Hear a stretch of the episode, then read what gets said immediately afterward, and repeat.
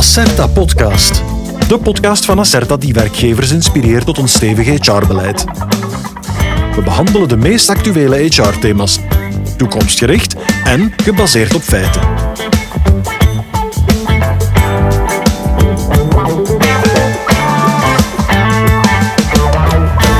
De juiste werknemer vinden is nog steeds niet makkelijk. In mei waren er meer dan 28.000 vacatures rechtstreeks aan de VDAB gemeld. Dat is 76% meer dan in mei 2020. De arbeidskrapte is en blijft een probleem voor werkgevers. En wie de arbeidskrapte een stapje voor wil zijn, zet beter in op de ontwikkeling van talent uit de eigen organisatie.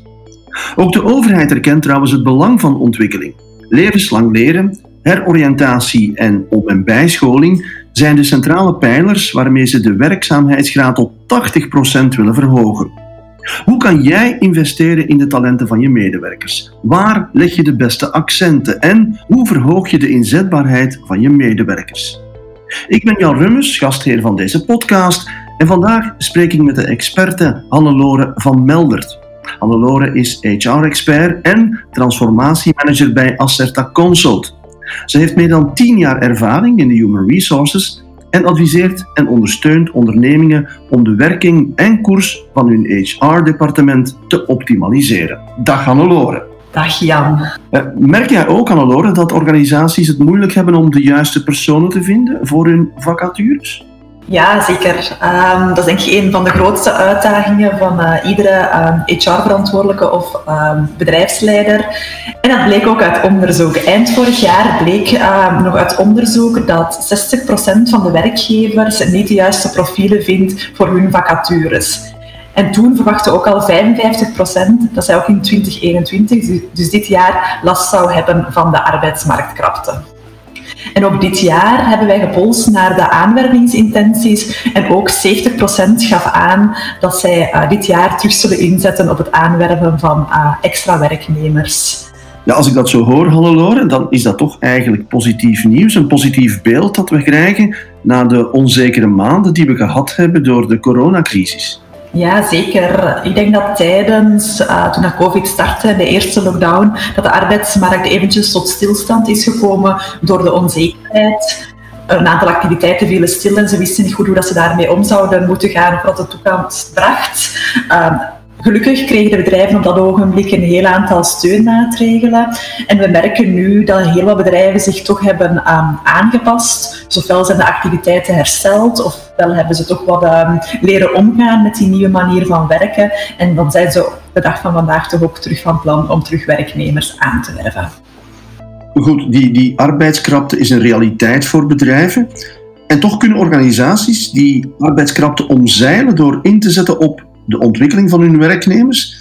Zien jullie dat dat in praktijk ook gebeurt, dat dat effectief zo is? Ja, uit een recente bevraging die we gedaan hebben bij zo'n 200 werkgevers, zien wij dat 9 op de 10 van die werkgevers toch al investeert in de ontwikkeling van hun medewerkers. We zien ook hè, dat werkgevers het zelf echt belangrijk vinden, dat hun HR-beleid daar ruimte voor creëert. Zo'n 84% vindt dat althans belangrijk. Um, en ze vinden het nog belangrijker dat ook de werknemer daar zelf aan het stuur zit. Uh, dus 98,5% zegt ook dat ze het belangrijk vinden dat werknemers ja, het, um, het stuur in handen nemen om zich verder te ontwikkelen.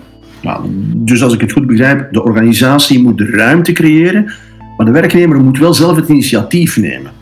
Ja, inderdaad. We zien gedeelde verantwoordelijkheid uit ons onderzoek. Dus zowel de werkgever als de werknemer moet um, daar verantwoordelijkheid en initiatief in opnemen. Ik denk dat dat ook logisch is. Um, bijvoorbeeld um, voor de werknemers is het uiteraard belangrijk dat als ze zich gaan, um, gaan opleiden of ontwikkelen, dat ze dat ook als iets zinvol ervaren en dat ze effectief ervoor gaan om effectief die ontwikkeling of dat opleidingsinitiatief ter handen nemen en daar ook iets mee doen. Aan de andere kant, ja, opleiden, ontwikkeling, dat is eigenlijk op zich misschien wel een beetje een oneindig straatje. En is dat ook wel weer belangrijk dat de organisatie wat richting geeft en de medewerker toch ook begeleidt om uh, keuzes te maken en het ontwikkelingsproces mee faciliteert. Ja, sturen, richting geven om het wat extreem te stellen, om bij wijze van spreken te vermijden dat een IT-werknemer zich gaat omscholen tot chocolatier. Om Dat is een beetje om er, wat mee, eh, om er wat grappig over te doen, maar komt het daarop neer? Ja, zeker. En ik zeg, ehm, ik wil zeker niet uitsluiten dat een organisatie niet breed kan nadenken met de, um, de ontwikkelingsnoden die dat een medewerker um, heeft. Maar ik denk in eerste instantie inderdaad dat ze echt moeten gaan kijken naar ja, wat hun organisatie nodig heeft. En ook daar zien we in ons onderzoek dat ja, de organisaties dat ook wel doen. Um, en als we dan gaan polsen naar, oké, wat drijft dan ook organisaties om in te zetten op ontwikkeling, dan zien we daar toch naar boven komen uh, dat het vooral gaat om medewerkers inzetbaar te houden voor de job die dat ze vandaag opnemen. Een stukje ook om hun talenten verder te ontwikkelen en om uh, hun tevreden te houden en hun te motiveren. Op een vierde plaats zien we dan eigenlijk pas ook de duurzame inzetbaarheid uit terugkomen. En de duurzame inzetbaarheid is eigenlijk um, ja, het aspect dat je ook eigenlijk verder kijkt dan de dag van vandaag en ook al gaat nadenken over hoe moeten we onze medewerkers ontwikkelen, zodanig dat zij ook hun job in de toekomst die toch wel tegenwoordig vaak verandert, dat die ook nog altijd dan een job kunnen blijven uh, opnemen. En daar hoop ik dat in de toekomst organisaties die prioriteit toch een beetje naar voren schuiven en dat ze niet alleen kijken naar vandaag, maar dat ze ook inzetten op uh, de future skills en dus de skills die dat ze nodig hebben voor de toekomst. Ja, future skills, dat, dat klinkt uh, ja, letterlijk futuristisch. Wat, wat moeten we daar eigenlijk onder verstaan? Ja, future skills zijn eigenlijk, ja, zoals het woord zegt, de skills die dan nodig zijn voor de, voor de toekomst. Um, daar zien we ook uh, gaandeweg dat bijvoorbeeld de soft skills, dus eerder de, de vaardigheden die een werknemer uh, nodig heeft om zijn job goed te kunnen, uh, aan meer belang wint dan echt technische kennis. Dus dat gaat zeker over dergelijke soft skills.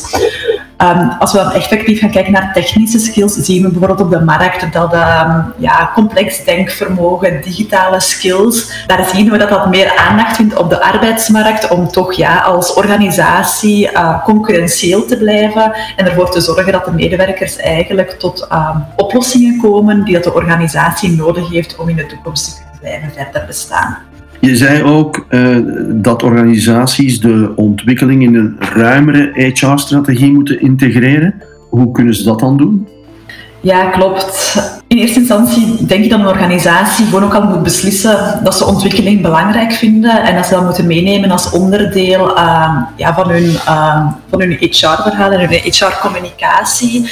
En dan moeten ze inderdaad een vertaalslag gaan maken naar alle HR-activiteiten en eigenlijk het aspect ontwikkeling vanaf het moment dat ze iemand aanwerven tot het moment dat ze iemand uh, ontwikkelinitiatieven, evaluatiegesprekken voeren.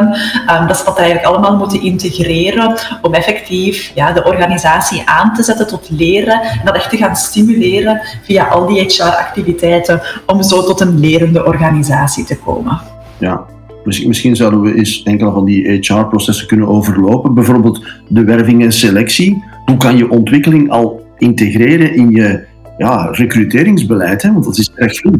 Ja, dat is inderdaad een goede uh, vraag. Uh, in eerste instantie hebben we het begin van het gesprek al eventjes over um, die arbeidsmarktkrapte. Dat maakt natuurlijk ook dat het um, de plug-and-play en de perfecte kandidaat op de markt vinden die dat effectief ja, al volledig op vlak van competenties, vaardigheden en kennis in lijn ligt met wat je nodig hebt is denk ik een, ehm, een, utopie.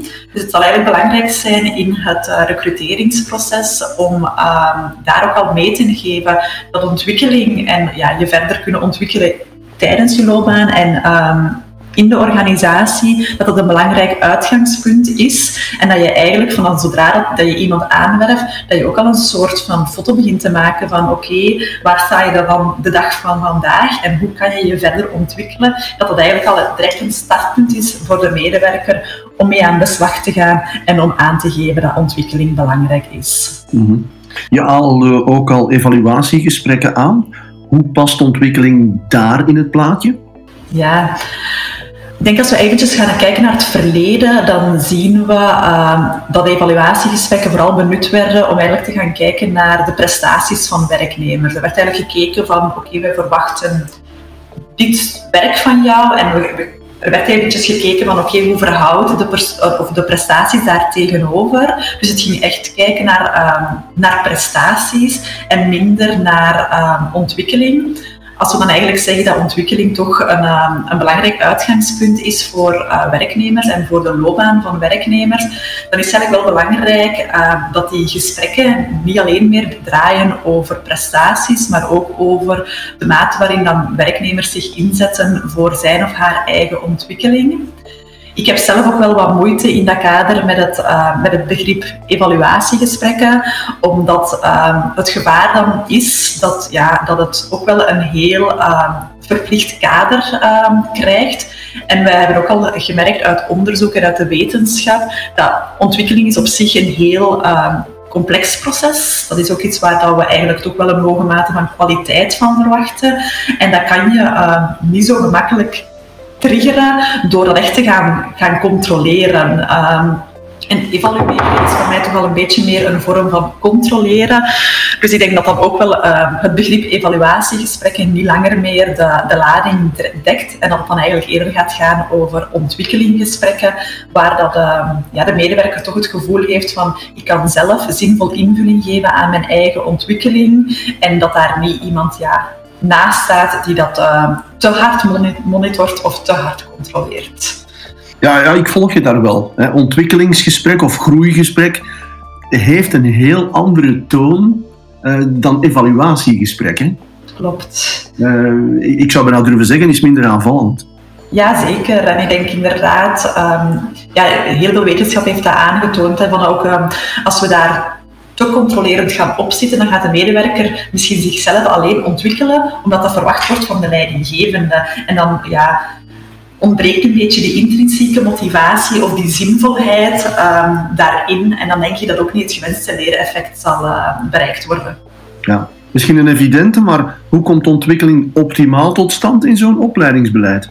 Ik denk dat daar twee belangrijke bouwstenen uh, zijn. Enerzijds heb je denk ik een foto van uh, ja, het potentieel van jouw huidige organisatie, waar je een stukje uh, in kaart brengt wat de huidige functies zijn met competenties, kenniselementen en verantwoordelijkheden. En van daaruit kan je eigenlijk een soort van loopbaanladders gaan maken en kan je eigenlijk echt met je werknemer um, ja, aan de slag gaan. Waar sta je vandaag en waar kan je dan naartoe in onze organisatie en wat is daarvoor nodig? En dan heb je dat, um, dat lange termijn kader en dan spreken we echt over die future skills waar dat het dan uh, ja, belangrijk is dat een organisatie wel wat in kaart brengt. Wat is onze lange termijn strategie? Hoe kunnen wij dat vertalen naar onze, uh, ja, de skills of de competenties en kennis die dat wij nodig hebben voor de toekomst? En van daaruit ook wel een beetje die uh, werknemer echt gaan meenemen in dat verhaal en die op die manier ook gaan stimuleren om um, ja, daar zelf ook aan te werken. En ik denk als we dan echt spreken over een, eh, over een goed leerbeleid en een leercultuur, dat het ook belangrijk is van echt te gaan nadenken over ja, de opleidingsvormen.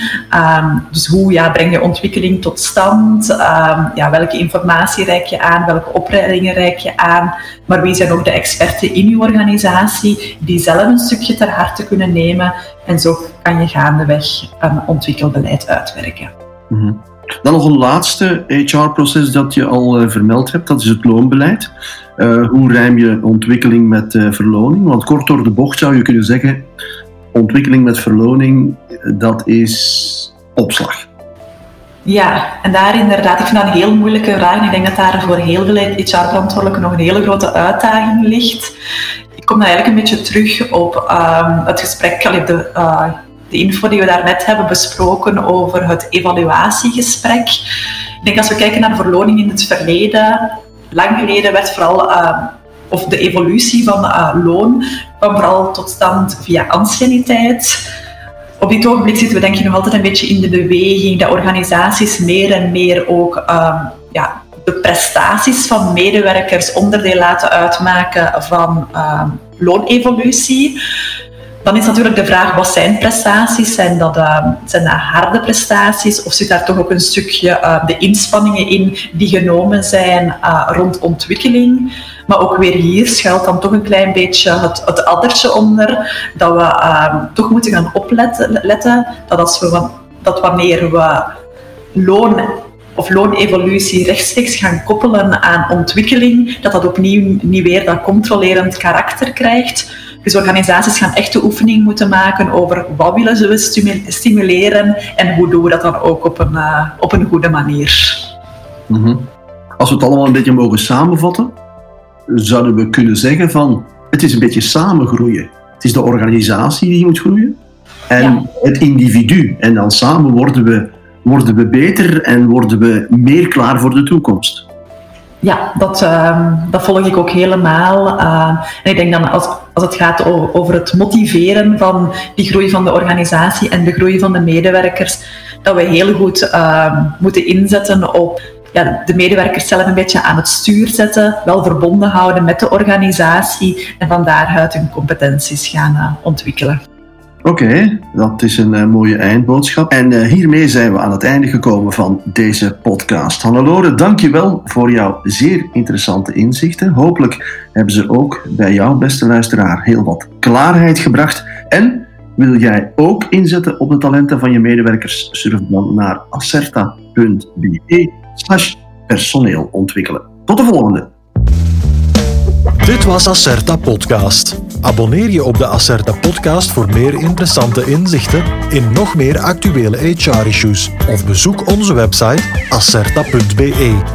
Reageer ook gerust, want een directe lijn tussen werkgevers en Acerta is de beste garantie voor performante HR. We horen elkaar.